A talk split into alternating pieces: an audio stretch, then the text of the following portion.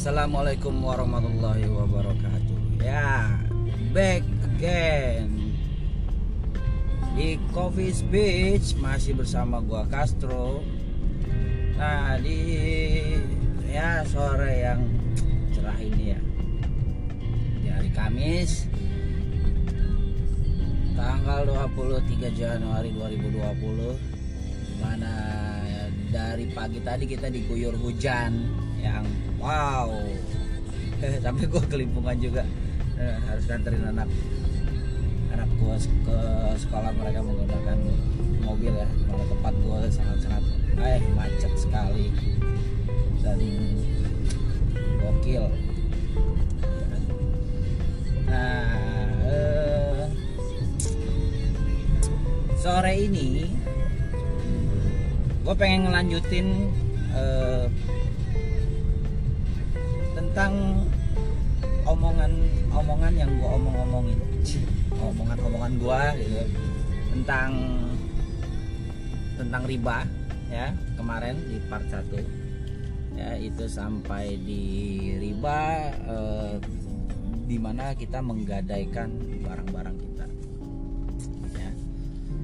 Oke di sini menjadi segmen keduanya jadi segmen kedua dari riba di part 2 ya riba part 2 nya Oke tapi sebelum kita masuk ke bahasan kita tentang riba di part 2 ini Gue mau ngingetin lagi untuk lu semua yang ngedengerin podcast gue Siaran gue ini uh, Lu bisa follow IG gue di Coffee Speech Clothes ya. Uh, di sana gue banyak menyediakan eh, berbagai macam merchandise ya. Merchandise ini berbentuk ada kaos zipper hoodie dan uh, lain-lainnya yang nanti bisa gue temukan. Dan akan gue post di sana. Uh, kalian semua bisa mendapatkannya di sana ya. Dengan tentunya dengan harga dan kualitas terbaik. Oke. Okay. uh, kita back to uh, tema kita hari ini yaitu tema lanjutan dari riba part 2 nya ya. Riba part 2 di mana sebelumnya gue sudah pernah membahas tentang riba di, bagian pertama. Ribanya itu di situ gue bahas yang tentang masalah gadai megadai atau kredit ya atau melakukan pembelian secara kredit. Memang belum detail. Dan di sini gue mau menjelaskan bahwa eh, eh, bahwa kredit jika bisa kita lakukan dengan dengan dengan sesuai syariah Islam ya sesuai syariah Islam maka tidak menjadi masalah tapi jika uh, di luar syariah Islam sebagai mana sebagai uh, gimana ya uh, sebaik mungkinlah kita menghindarnya ya. Se sekuat mungkin kita menghindari itu ya, kita cari solusi lain solusi lain kecuali kita memang mentok mentok tapi di sini dalam artian diperbolehkan dan kita mencegah itu dan kita mencari ini. Ya ada beberapa ulama memang untuk untuk kredit kredit ini menyarankan kredit melalui bank-bank syariah ya. Tapi untuk untuk diketahui bahwa bank-bank syariah ini base-nya atau standarnya sebenarnya mereka diatur oleh bank konvensional ya. Bank konvensional. Jadi jadi e, sebenarnya sebenarnya mereka masih ada sedikit sedikit sedikit alur-alur ribanya masih ada ya. Jadi meskipun itu sedikit tetap ada gitu, dan tetap riba. Tapi setidaknya setidaknya mungkin yang bisa dipahami dari sini adalah di saat keterlambatan ya e, bagaimana e, ininya rule-nya lalu saat saat kita punya miss entah sebulan dua bulan atau tiga bulan gitu kan tidak ada namanya tarik tarikan barang ya. Harusnya seperti itu. Harusnya harusnya bank syariah seperti itu. Dan tidak ada bunga sebenarnya harusnya ya. Nah, dulu dulu dulu ada satu bank syariah saat dia pertama kali keluar. Dan dia saat pertama bank syariah pertama di Indonesia. Uh, jujur orang tua gue sempat pakai. Di situ tidak ada namanya bunga. Dia tidak ada namanya bunga uh, sistem pinjamnya pun sudah disepakati bahwa pinjamnya uh, apa namanya pinjam uh, pinjam uangnya itu sudah disepakati cara mengembalikan uangnya tidak tidak menggunakan jaminan-jaminan tertentu ya. Tapi ya memang agak disesalkan dia mengikut entah mengikuti perkembangan zaman atau uh, bank ini terpaksa melakukan seperti itu. Sekarang sekarang mereka menggunakan jaminan bisa rumah bisa uh, yang setahu gue sih rumah ya tapi kalau kendaraan gue nggak tahu. Dan ternyata ada emasnya juga. Dan itu udah udah sangat sangat riba sebenarnya gitu. Makanya berhati-hatilah saat kita mencari bank syariah. Ya. Dan nah gue agak pesimis sih di sini kalau untuk kita mencari yang namanya bank ya meskipun embel-embel di belakangnya syariah. Karena uh, saat ini semuanya itu hanya kedok bagi gua bagi gua. Tapi uh, semua kembali ke lu semua intinya adalah seperti yang di bagian pertama bahwa saat kita memang benar-benar sudah terbentuk ya kita ambil itu sebagai solusi. Tapi tapi dengan menjaga secara pribadi konsepnya itu menurut gua. Kenapa? Karena karena dari apa yang gua baca ya apa yang gua baca dan apa yang gua tonton dari konten-konten YouTube Muslim gitu kan Nah, ada beberapa ustadz yang yang memberikan solusi-solusi yang masih masuk di akal buat gua untuk era hidup ini gitu loh. Itu solusi yang bisa dijadikan solusi karena apa? Karena karena kalau di hutan pun ya, di hutan pun kita ketemu uh, tidak bisa makan. Ya, dalam kondisi kritis tidak bisa makan, tidak ada makanan yang bisa dimakan. Kita hanya menemukan mungkin seekor babi. Ya, anggaplah babi. Babi kan haram sebenarnya. Tapi uh, di di Al-Quran dijelaskan bahwa kita boleh memakan itu hanya sebatas untuk menutupi kelaparan. Hanya sebatas menutupi kelaparan. Atau uh, bisa dibilang hanya sebatas untuk memperpanjang hidup kita sampai kita menemukan yang lebih baik. Kan gitu. Nah bukan untuk dihabiskan semuanya. Jadi kalau misalkan kita logikanya begini kita itu makan ayam tanpa nasi ya mungkin kita bisa habis dua paha kanan kiri. Nah di sini kalau kita ketemu itu udah kenyang gitu ya. Jadi nah di sini saat kita di hutan kita tidak bisa menemukan apa pun makanannya ternyata yang kita ketemukan adalah babi di mana babi itu adalah haram hukumnya. Haram dan tidak akan menjadi halal. Haram dan tidak akan menjadi halal. Apa pun itu kondisinya kan gitu. Tapi tapi dikecualikan. Boleh dimakan untuk sebatas memperpanjang hidup ya. Jadi di sini tidak tidak untuk kenyang. Saat lu makan itu entah sesuap entah dua suap lu eh, sudah cukup dan mem memiliki tenaga kembali untuk melanjutkan perjalanan lu di dalam hutan itu untuk menemukan hal yang lebih halal maka lu harus berhenti harus stop ya. Meskipun itu cuma satu kali suap atau dua kali suap itu buat diperbolehkan. Nah di sinilah kita kita ngambil kita ngambil yang kan kita di tengah kota nih. Dari pita daripada daripada ya eh, mohon maaf kita kita mau ingin memberikan eh, nafkah yang halal. Karena infak adalah sebuah kata lain daripada nafkah. Kita harus kita harus mencari bagaimana caranya kalau memang mentok kalau memang mentok ya apa pun itu urusannya tapi tapi bukan lo ini. Kalau lo punya masih punya barang yang bisa dijual jual barang itu. Tapi kalau memang sudah ada tidak bisa dijual ya kayak cerita gue di part 1 ya oke okay lah anggap itu lo sama aja di tengah hutan bisa dianggap di per, di di, di uh, anggap sebagai perumpamaan ya di tengah hutan. Nah itu lo ambil itu. Hanya sebatas yang gue bilang tadi hanya sebatas lo bisa uh, memakai sampai punya tenaga. Jadi saat saat lo udah punya tenaga dalam artinya di sini saat lo punya tenaganya itu adalah saat di mana lo sudah bisa melunasi kredit itu. Meskipun waktunya masih dua tahun atau tiga tahun ke depan lagi. Lunasilah segera gitu loh. Untuk mengurangi untuk mengurangi apa yang dikatakan riba tadi. Gitu ya. Pelajarannya seperti itu sebenarnya kalau yang di pertama. Nah di bahasan kali ini yang gue mau bahas kembali adalah bentuk riba yang kedua dan yang ini sangat-sangat lebih kejam dari bentuk riba yang pertama ya. Sangat-sangat lebih kejam dari bentuk riba yang pertama.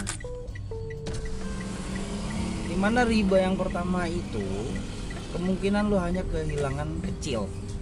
Tapi di riba yang ini sumpah sumpah uh, gue nggak berani sumpah demi Allah tapi gue sumpah ya atas diri gue sendiri bahwa riba yang kedua ini holy shit di dunia ataupun di akhirat dosanya tidak ada yang dosanya sangat besar dan akibatnya tidak ada yang sama sekali bisa dikatakan ringan. Dan gue belum temuin dari awal gue mengetahui riba ini sampai hari ini gue bersuara di podcast gue ini ya mengeluarkan komentar gue gue belum pernah menemukan orang yang sudah terjebak di dalamnya dan terjerat dalam hal riba yang ini ya. E, bisa meloloskan diri dengan mudah. Bisa menyelamatkan dirinya dengan dengan dengan ini ya. Dengan dengan kemampuannya dia sendiri. Dengan kemampuan kita itu sebagai seorang manusia. Gue belum pernah melihat itu. Belum pernah. Ya mungkin melihat tidak. Uh, kalau gue bilang bukan melihat lah dalam anggapannya. Kenapa gue bilang mungkin melihat tidak? Jadi gini gue menemukannya dalam dalam perjalanan gue sekitar tujuh tahun ini 7 sampai enam tahun ini keluar dari keluar dari riba ya. Dan menekatkan diri untuk tidak tidak berkecimpung dalam riba lagi. Gue menemukan banyak banyak kawan-kawan sahabat-sahabat gue yang tadinya memang gue nggak kenal kita ketemu begitu aja. Kita bertukar pikiran kita bersharing kita saling tanya masalah kita. Dan di situ terbongkarlah sebuah hal yang ujungnya itu sama yaitu kita sama-sama terjebak dalam riba. Kita terjerat lebih dalam eh, terjerat lebih kencang dan terjebak lebih dalam dari riba. Ya.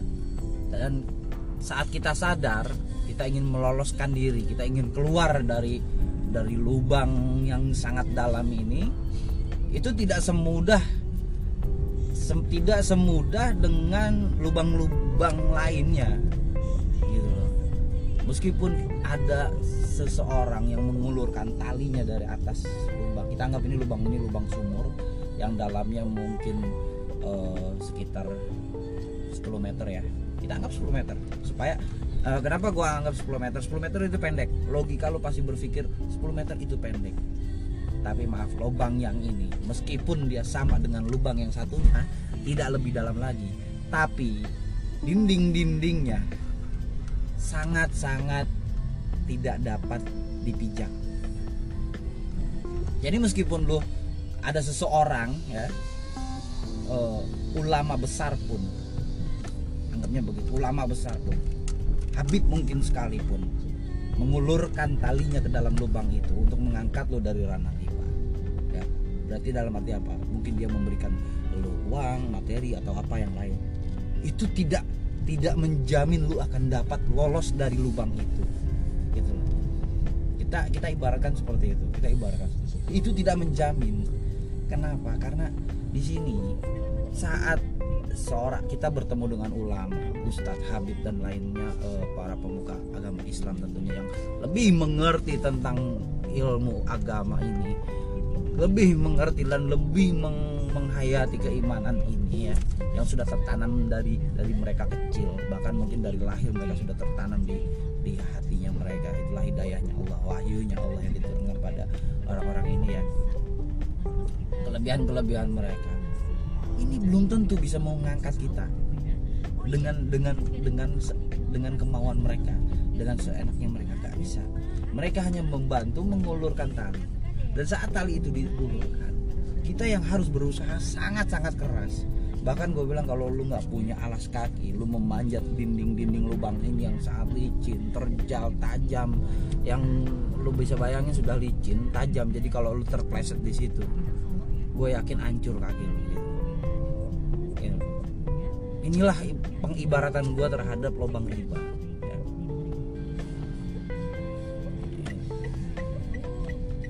Di situ gue sebenarnya pengen berbagi sama lo nih. Kenapa sebenarnya gue pengen berbagi? Lubang apa sih ini gitu? Ada dua lubang yang jelas-jelas tapi eh, yang jelas-jelas besar tapi yang satunya ya yang satunya ini lubang ini sangat banyak yang eh, lebih mudah tercemplung ya.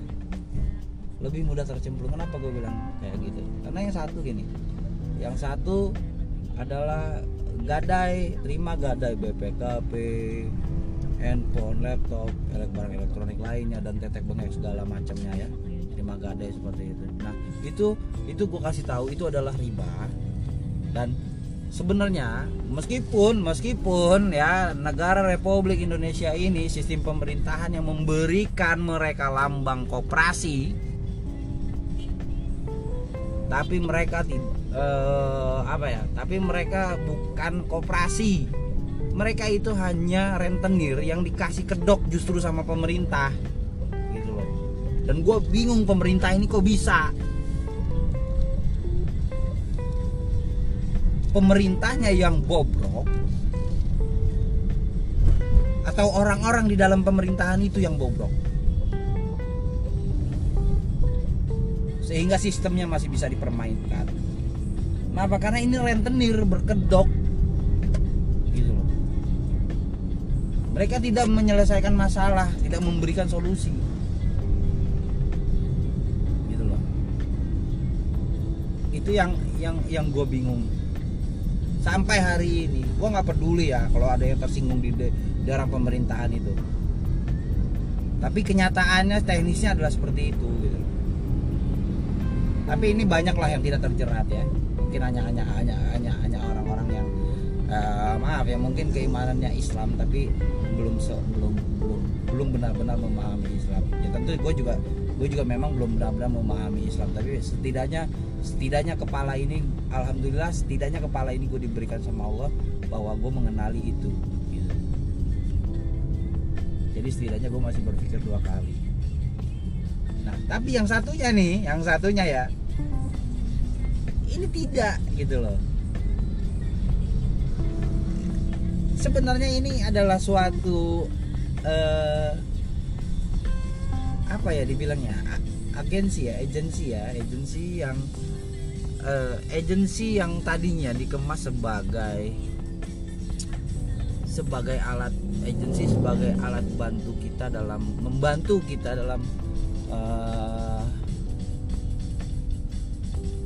mengelola keuangan. Tapi pada akhir ya ke sini ke sininya itu kok seperti dijadikan kedok oleh para rentenir ini pula gitu loh. Ya.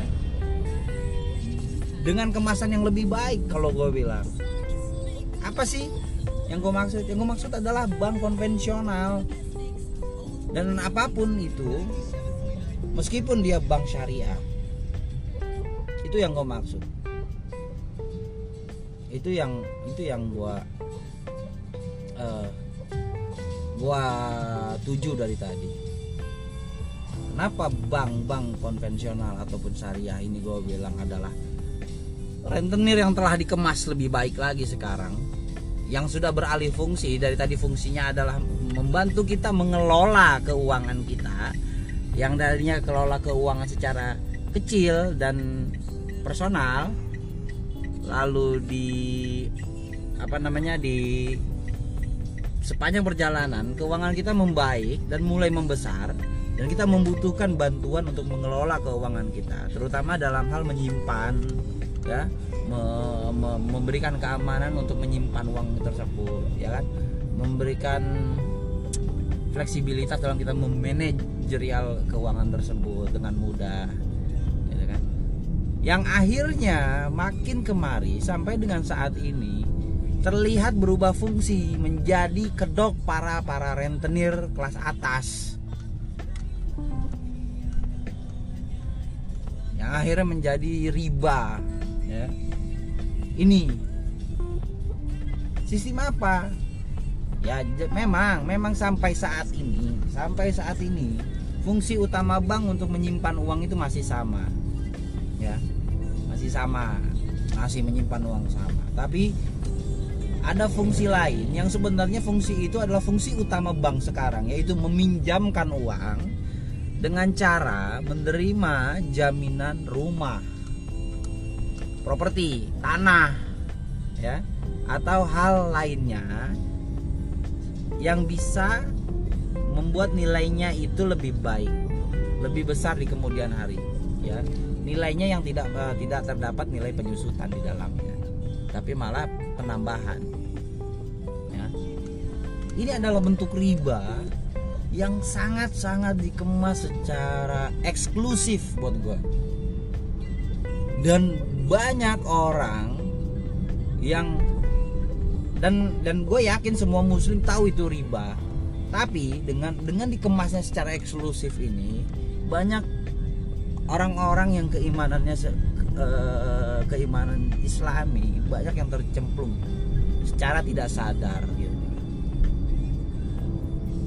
Dan faktanya sebenarnya banyak ya. Cuman gua nggak tahu kenapa orang Indonesia itu kayaknya susah untuk speak up tentang kebenaran. Apakah mereka takut mati, mereka takut masuk bui atau apa gitu? Gua nggak ngerti ya. Takut dengan rezim, gue nggak ngerti tapi kalau kalau memang mereka takut mati dengan takut rezim wow gila gila buat gue ya sorry gila kenapa eh, gue lebih bersahabat dengan gue lebih memilih bersahabat dengan kematian daripada gue harus menakuti kematian itu. Kenapa? Karena dengan gue bersahabat dengan kematian maka gue akan selalu ingat gue harus berbuat baik. Gitu. tapi kalau kita harus takut dengan rezim atau kepemimpinan seseorang dalam memimpin sebuah negara ini dengan kekuasaan kekuasaan apa yang paling besar yang bisa melebihi kekuasaan Tuhan? Dan peraturan mana yang bisa melebihi peraturan Tuhan? Gitu loh. Logikanya aja. Peraturan dunia ini hanya sebatas kita di dunia. Kita mengikuti peraturan di dunia tapi tidak akan membawa kita menuju akhirat yang lebih baik tapi kalau kita meninggalkan peraturan dunia tapi mengikuti peraturan agama jaminannya adalah ganda double. Hidup di dunia lebih baik dan hidup di akhirat terjamin kebaikannya melebihi berlipat kali di dunia. Jadi lu semua bisa bayangin lah apa yang gue ungkapkan di sini bahwa nggak ada itu peraturan nggak ada itu kekuasaan yang bisa merenggut kebahagiaan lu di dunia dan di akhirat. Kalau lu mengikuti peraturan agama kalau lu mengikuti aturan agama lu mengikuti tata caranya ya aturan dengan tata cara beda lagi. Dan perilaku lu semuanya itu mengikuti agama. Nggak ada.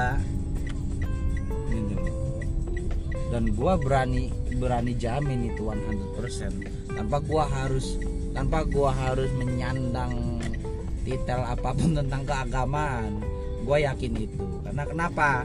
Karena gue yakin bahwa Tuhan gue itu ada gue yakin bahwa Tuhan gue itu benar dan gue yakin bahwa Tuhan gue itu selalu lebih baik dari apa pun.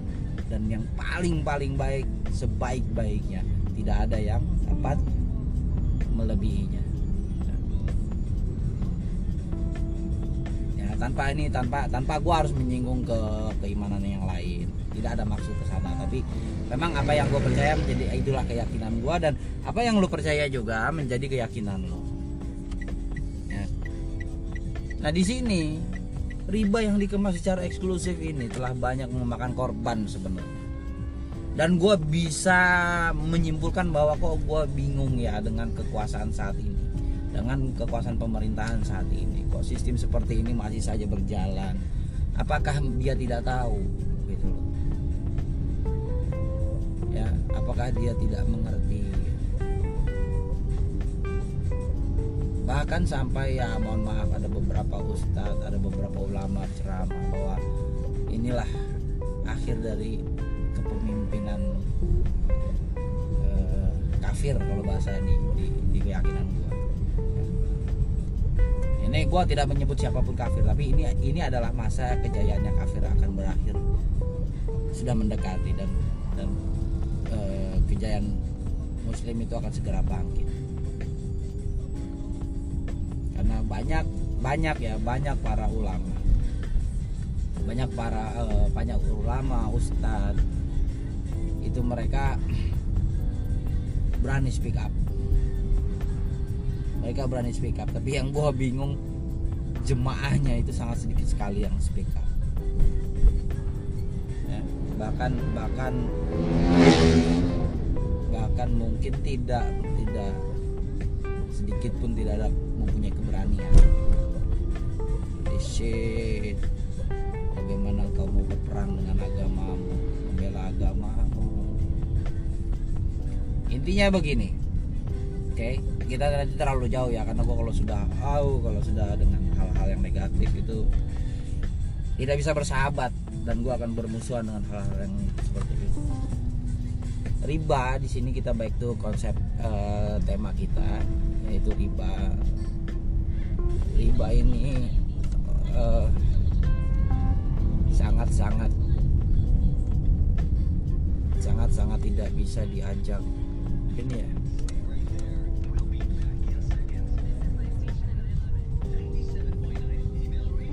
Riba ini sangat-sangat tidak bisa diajak bekerja sama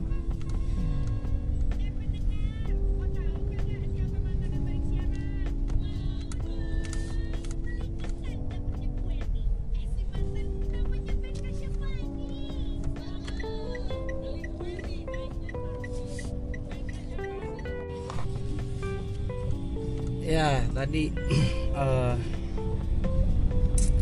kita lanjut ya. Tadi gue sempat break dulu masuk waktu asar oke ini gue lanjut. Eh, gini ya. Eh, kenapa gue bilang bank itu sangat sangat sangat menjadi riba yang sangat eksklusif?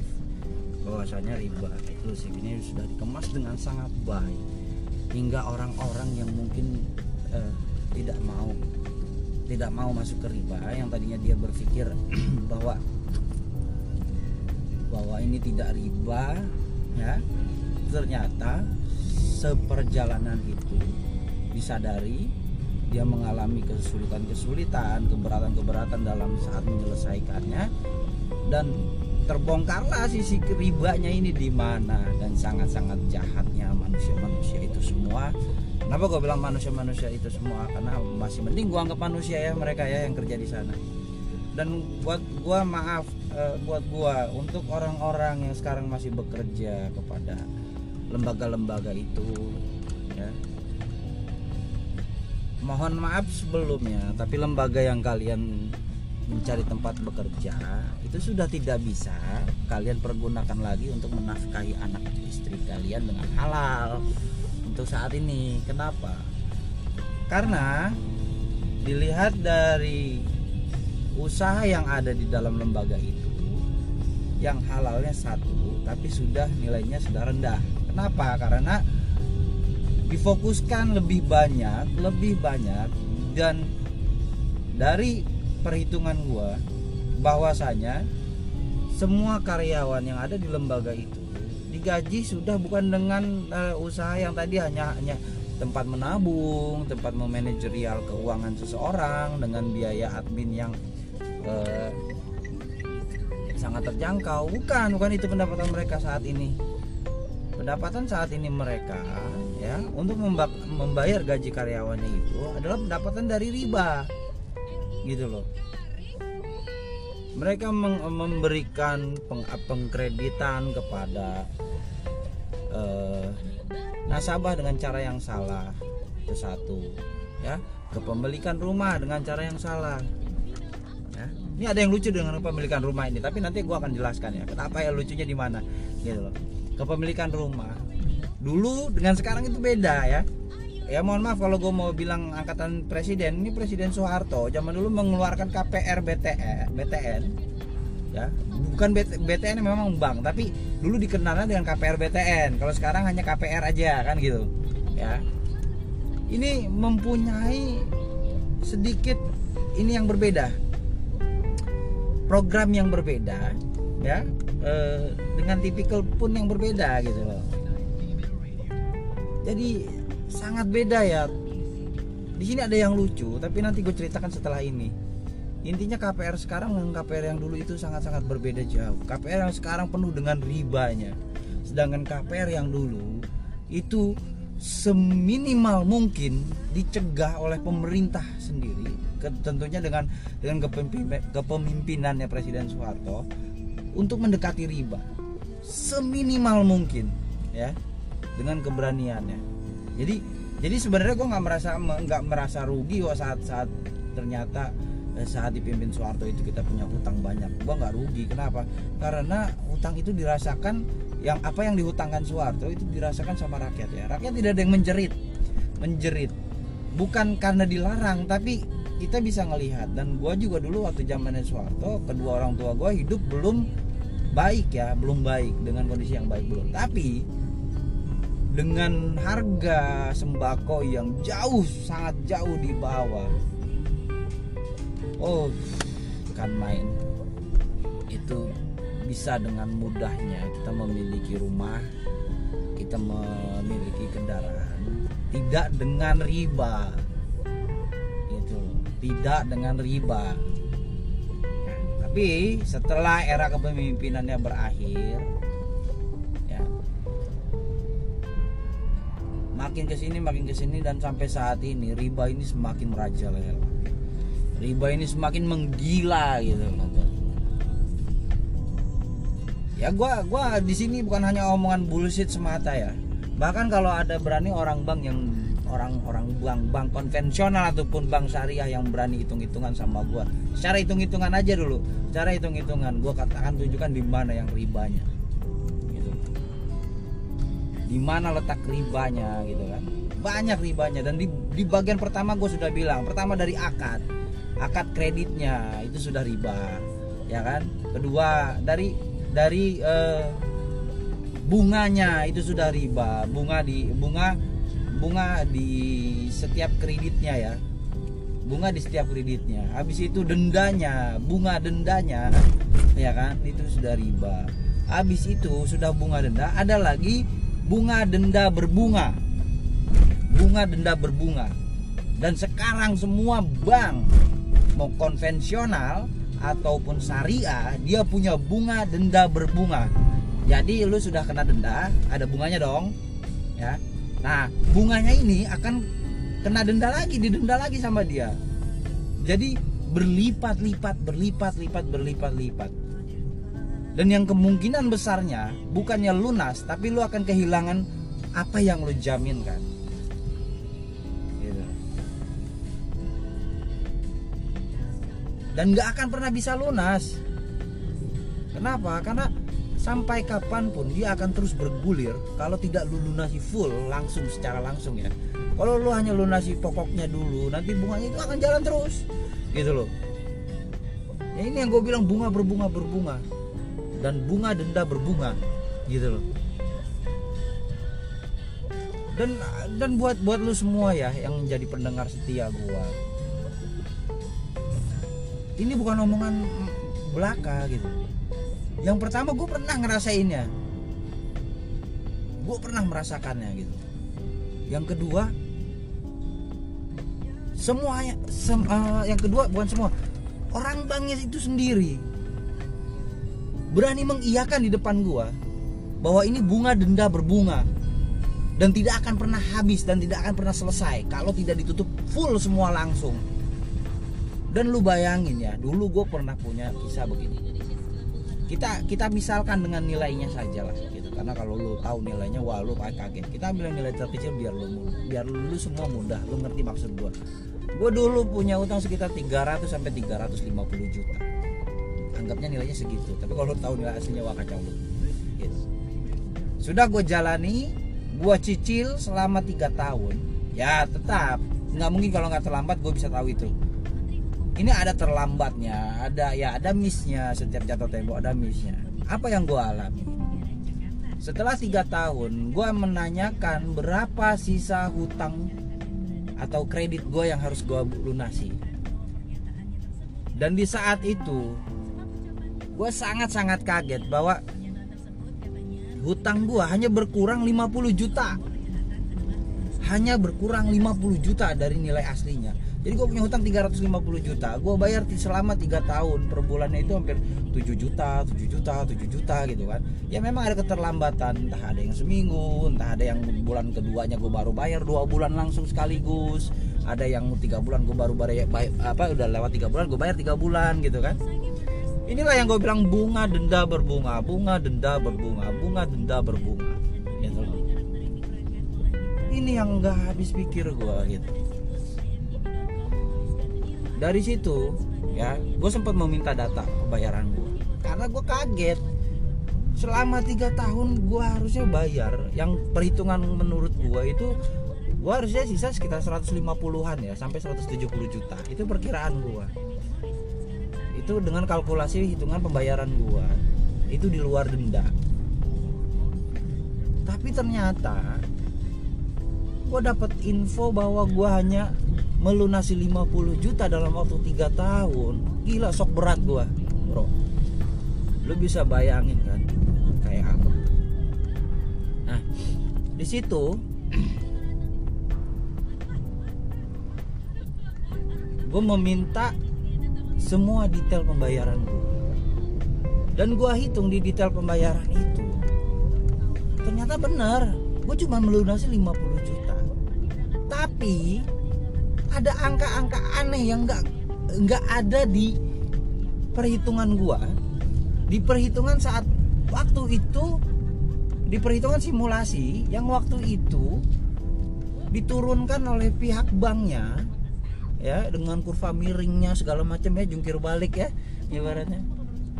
Ini nggak ada gitu loh. Dan gue bingung ini dapatnya dari dari sebelah mana? Ini gue cari seminggu dua minggu gue cari nggak ketemu. Sampai akhirnya waktu itu satu bulan. Karena nggak ketemu gue memutuskan untuk kembali ke bank. Gue kumpulkan semua termasuk manajerialnya dia manajernya dia tuh uh, orang berdasi ganteng keren baju wangi ya nggak tapi nanti kubur busuk semua tuh orang. Sorry sorry sorry kalau gue agak kejam gini ya ngomongnya ya. Cuman kenapa gue berani ngomong begitu? Karena setiap orang yang bermain dengan riba dari penggunanya dari pem, pemberi uh, apa namanya penyedianya penyedianya. Oh, dosa terkecil dosa terkecilnya sama dengan dosa 32 kali berzina dengan ibu kandung. Jadi gue nggak takut sebenarnya untuk mengatakan bahwa orang-orang pemakan riba itu sebenarnya wanginya di dunia. Saat dia mati ya gue nggak akan bilang dia meninggal. Karena karena apa?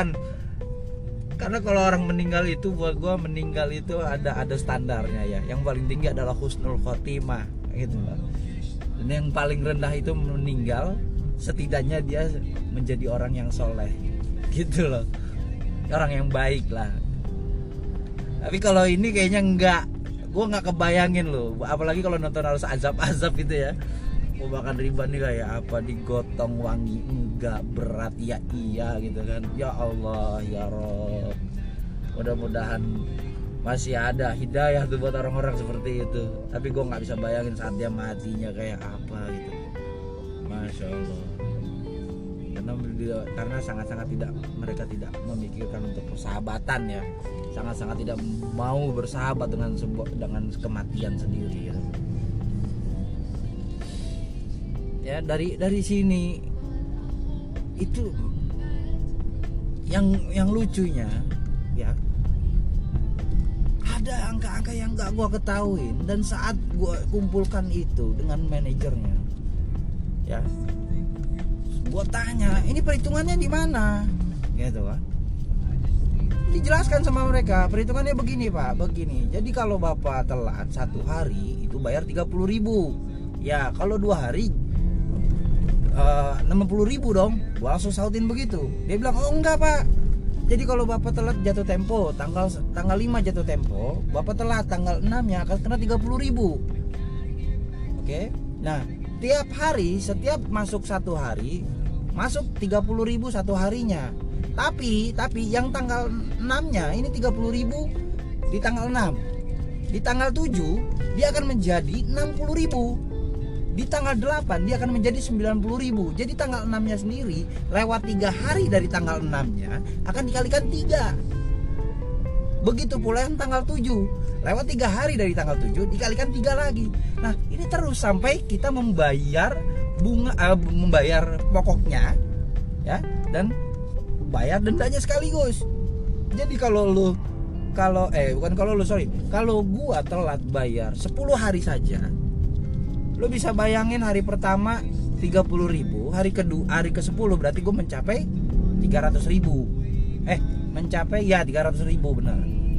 Begitu berkurang 30 setiap harinya sampai dengan 30 di hari ke-10 itu gua harus lunasin. Berarti jatuhnya sekitar sekitar berapa?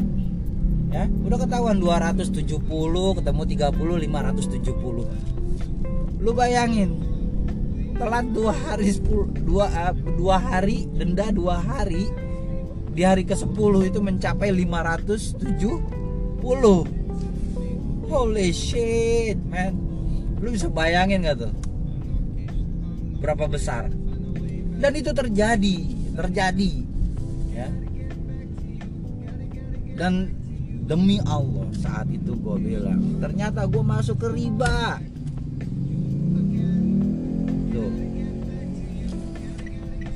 Saat gue bilang begitu ternyata gue masuk ke riba. Dan gak dan itu manajernya langsung uh, kaget dan nyender ke bangku itu ke satu. Yang kedua anak buahnya dengan enteng dengan ringan dengan lantang. Saat gue bilang gue terjebak dalam riba dan ternyata ini ya adalah uh, ternyata ini adalah sebuah momen di mana cicilan gua meskipun gua bayar gua bayar gua bayar nggak akan ada habisnya nggak akan ada kelar kelar ya nggak akan ada selesai selesainya dan dengan entengnya ini orang padahal dia sendiri makan gaji kecil kok gue yakin. Gaji dia UMR tok gue yakin. Cuman bonusnya aja yang gede karena bonus ribanya lu tau sendiri kan?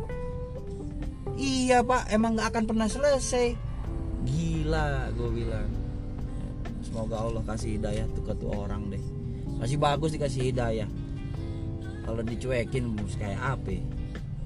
Gila asli sumpah ya. Jadi lu bisa bayangin bagaimana gue bilang rentenir yang dikemas secara eksklusif ya. Riba yang tidak pernah ter terbayangkan. Inilah yang gue bilang lobang riba yang di awal tadi bahwa ini lobang yang yang tingginya memang sama sama-sama 10 meter.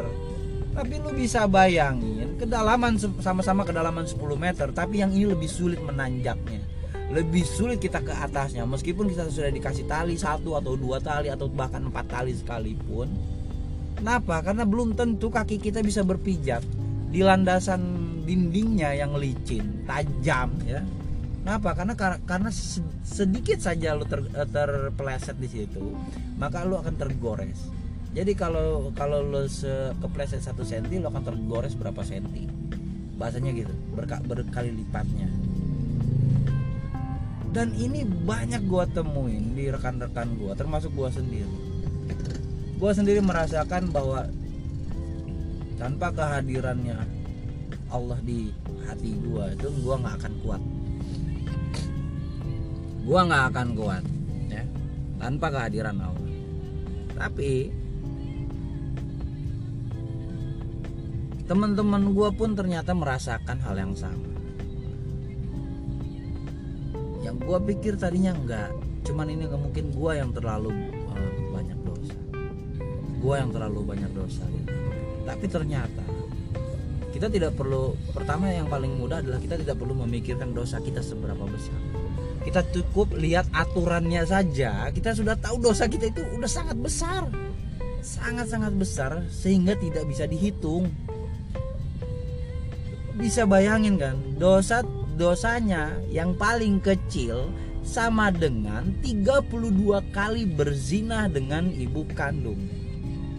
Mohon maaf, kalau kita eh, sama yang bayaran-bayaran itu ya, yang ya maaf nasibnya mungkin kurang baik dan mungkin dia salah memilih jalan hidup ya akhirnya untuk menjual sesuatunya dengan cara begitu. Ya kita di situ do dosanya yang kita tahu itu dosanya besar tapi kita tidak tahu nilainya berapa. Kita anggap satu kali melakukan itu satu kali dosa ya. Se sebulan empat kali maka empat kali dosa. Setahun uh, saya nggak usah setahun 10 bulan 40 berarti sekitar satu tahun 48 kali dosanya gitu loh 48 sebanyak dosanya. 48 kali melakukan itu 48 dosa yang dia dapat. Beratnya kan gitu. Ini dengan orang yang kita nggak kenal dan kita pun melakukannya dengan memberikan imbalan kan gitu. Apalagi kalau kita melakukannya dengan saudara sendiri saudari sendiri gitu kan adik atau kakak kita gitu dosanya berapa kali lipat mungkin 5 sampai 10 kali lipat. Ya gue nggak pernah tahu takaran dosa ya karena ini semua hak wewenang Allah. Tapi tapi untuk berzina dengan ibu kandung sudah dikasih tahu 32 kali lebih besar. Kita anggap kalau kita berzina dengan ibu kandung, kita ambil hitungan aja supaya kita mudah loh besarnya seberapa. Kalau tadi kita sama adik cewek atau kakak cewek kita gitu kan, kita berzina maka dosanya 5 sampai 10 kalinya. Uh, 10 uh, poin gitu anggapnya gampangnya ya kita untuk memahami ini untuk memahami bukan berarti itu maknanya bukan tapi ini untuk memahami seberapa besar nah dengan dengan ibu kandung kita kalikan saja kita ambil uh, kita tambahkan mereka yang ke bawah 5 yang ke atas 10 15 kalikan 2 30 poin. 30 poin kali 32 berapa banyaknya? Satu kali lu berzina dengan ibu kandung sendiri 32 kali 30 poin. Hampir 1000 poin ya kan? Yang akan lu dapati gitu loh. Yang uh, lebih maka jutaan mungkin bahkan miliaran ya 32 kali coy. Oh enggak uh, mungkin uh, jutaan jutaan ya jutaan. Jutaan poin. Tapi bisa bayangin kan lo lo ngutang 50 ribu aja bayarnya susah. Ke orang ke warung ke warung kopi warung rokok segala macam. Lu ngutang 50 ribu aja bayarnya lu nunggu akhir bulan. Gitu bukan lu ya ini lu, lu maksudnya lu global lu kita semua ya kita semua. Kita mau bayar hutang 50 ribu ke warung kopi aja warung rokok. Itu kita susah ya kan? Bagaimana kita mau bayar hutang atau bayar dosa kita berjuta-juta? Gitu loh. Berjuta-juta. Sementara kemampuan kita nggak ada. Gitu loh lu bisa bayangin kan? Makanya gue bilang tadi dosa terkecilnya aja 32 kali. 32 kali melakukan zina dengan ibu kandung. Dosa yang paling kecilnya. Jadi 32 kali lu melakukan zina dengan ibu kandung itu sama dengan dosa terkecil di riba. 32 kali bisa bayangin ya. Lu main sama orang aja ya. Lu berzina dengan yang lain aja. Entah cewek entah cowok dua sampai tiga kali lu pasti punya anak. Ya kan? Apalagi ini 32 kali lu bisa bayangin lu bisa punya cucu. Gitu loh. Ya. Jadi dosa riba ini nggak nggak kecil dan sangat sangat besar. Sangat sangat besar. Dan jujur gue merasa kasihan gue sedih buat orang-orang yang yang mungkin secara tidak langsung. Mungkin dianya kemarin belum tahu dengan riba. Apakah ini yang termasuk riba atau bukan. Ternyata setelah dia masuk ke dalam situ di hidupnya masih fine fine aja. Tapi dia mendapat mendapat ketukan ya dari Allah Subhanahu wa taala. Akhirnya setelah mendapat ketukan tadi dia ke majelis taklim mulai sholat berjamaah ya mulai beribadah akhirnya Allah kenalkan dengan riba dan dia terperenjak kaget karena ternyata gue sekarang ini ada di dalam riba semoga orang-orang yang seperti itu masih bisa diselamatkan sama Allah dan gue yakin tapi kalau orang-orang yang seperti itu itu sedang diselamatkan dengan Allah gitu. beda yang kayak gue ya kayak gue nih harus digetok dulu gitu.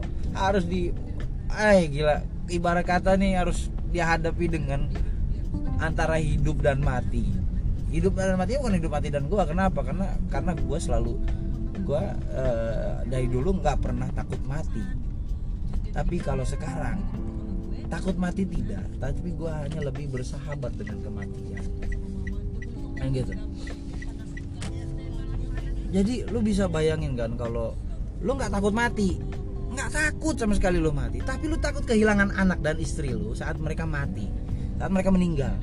Ya. Gue nggak takut untuk meninggal tapi saat lu harus menghadapi istri lu meninggal atau anak yang lu sayangin meninggal gue yakin lu lebih akan lebih takut daripada ya daripada lu menghadapi kematian lu sendiri. Gue yakin itu. 100% gue yakin itu. Ya. Sangat sangat yakin ya di sini memang gue tidak menyalahkan siapa pun hal riba ini. Riba ini memang sudah ada dari dulunya ya seperti di part pertama gue bilang dari zamannya Nabi riba-riba ini sudah ada. Rentenir rentenir ini sudah ada. Tapi tapi dia akan mereka itu akan punah akan musnah dengan bagaimana saatnya kita melawan dengan cara dan sikap kita. Sebenarnya gitu. Gitu. Nah gue sendiri gue sendiri itu pengennya sih ini riba hancur tapi nggak mungkin hancur karena itu adalah uh, sudah berakar ya dari dulu sudah berakar. Sudah berakar.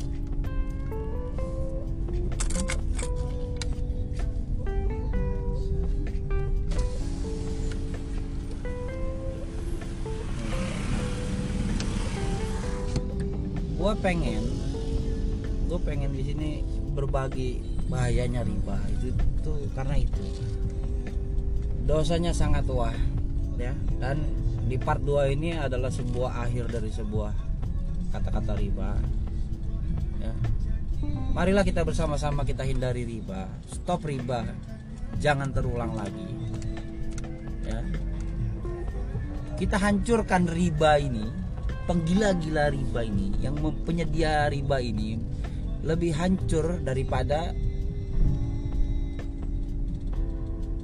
apa yang mereka lakukan kepada orang-orang lain dengan cara yang tidak perlu arogan hanya kita cukup stoplah kita bermain riba ya. Oke sampai di sini dulu uh, bahasan gue tentang riba. Mungkin dari obrolan gue yang pertama sampai yang akhir minim dari makna banyak kesalahan ucap gue kesalahan kata gue pemilihan kata-kata gue tidak semuanya 100% bisa menjadi sebuah tauladan ya tapi eh, semoga lu semua pendengar gue yang bijak bisa mengambil hikmahnya meskipun sedikit sekali hikmah yang ada di dalam obrolan kita kali ini so sekian dulu buat riba di part bagian 2 ini dan N yang pasti ya dan tetap stay di coffee speech dan tetap bersama gue Castro menuju hidup yang lebih baik.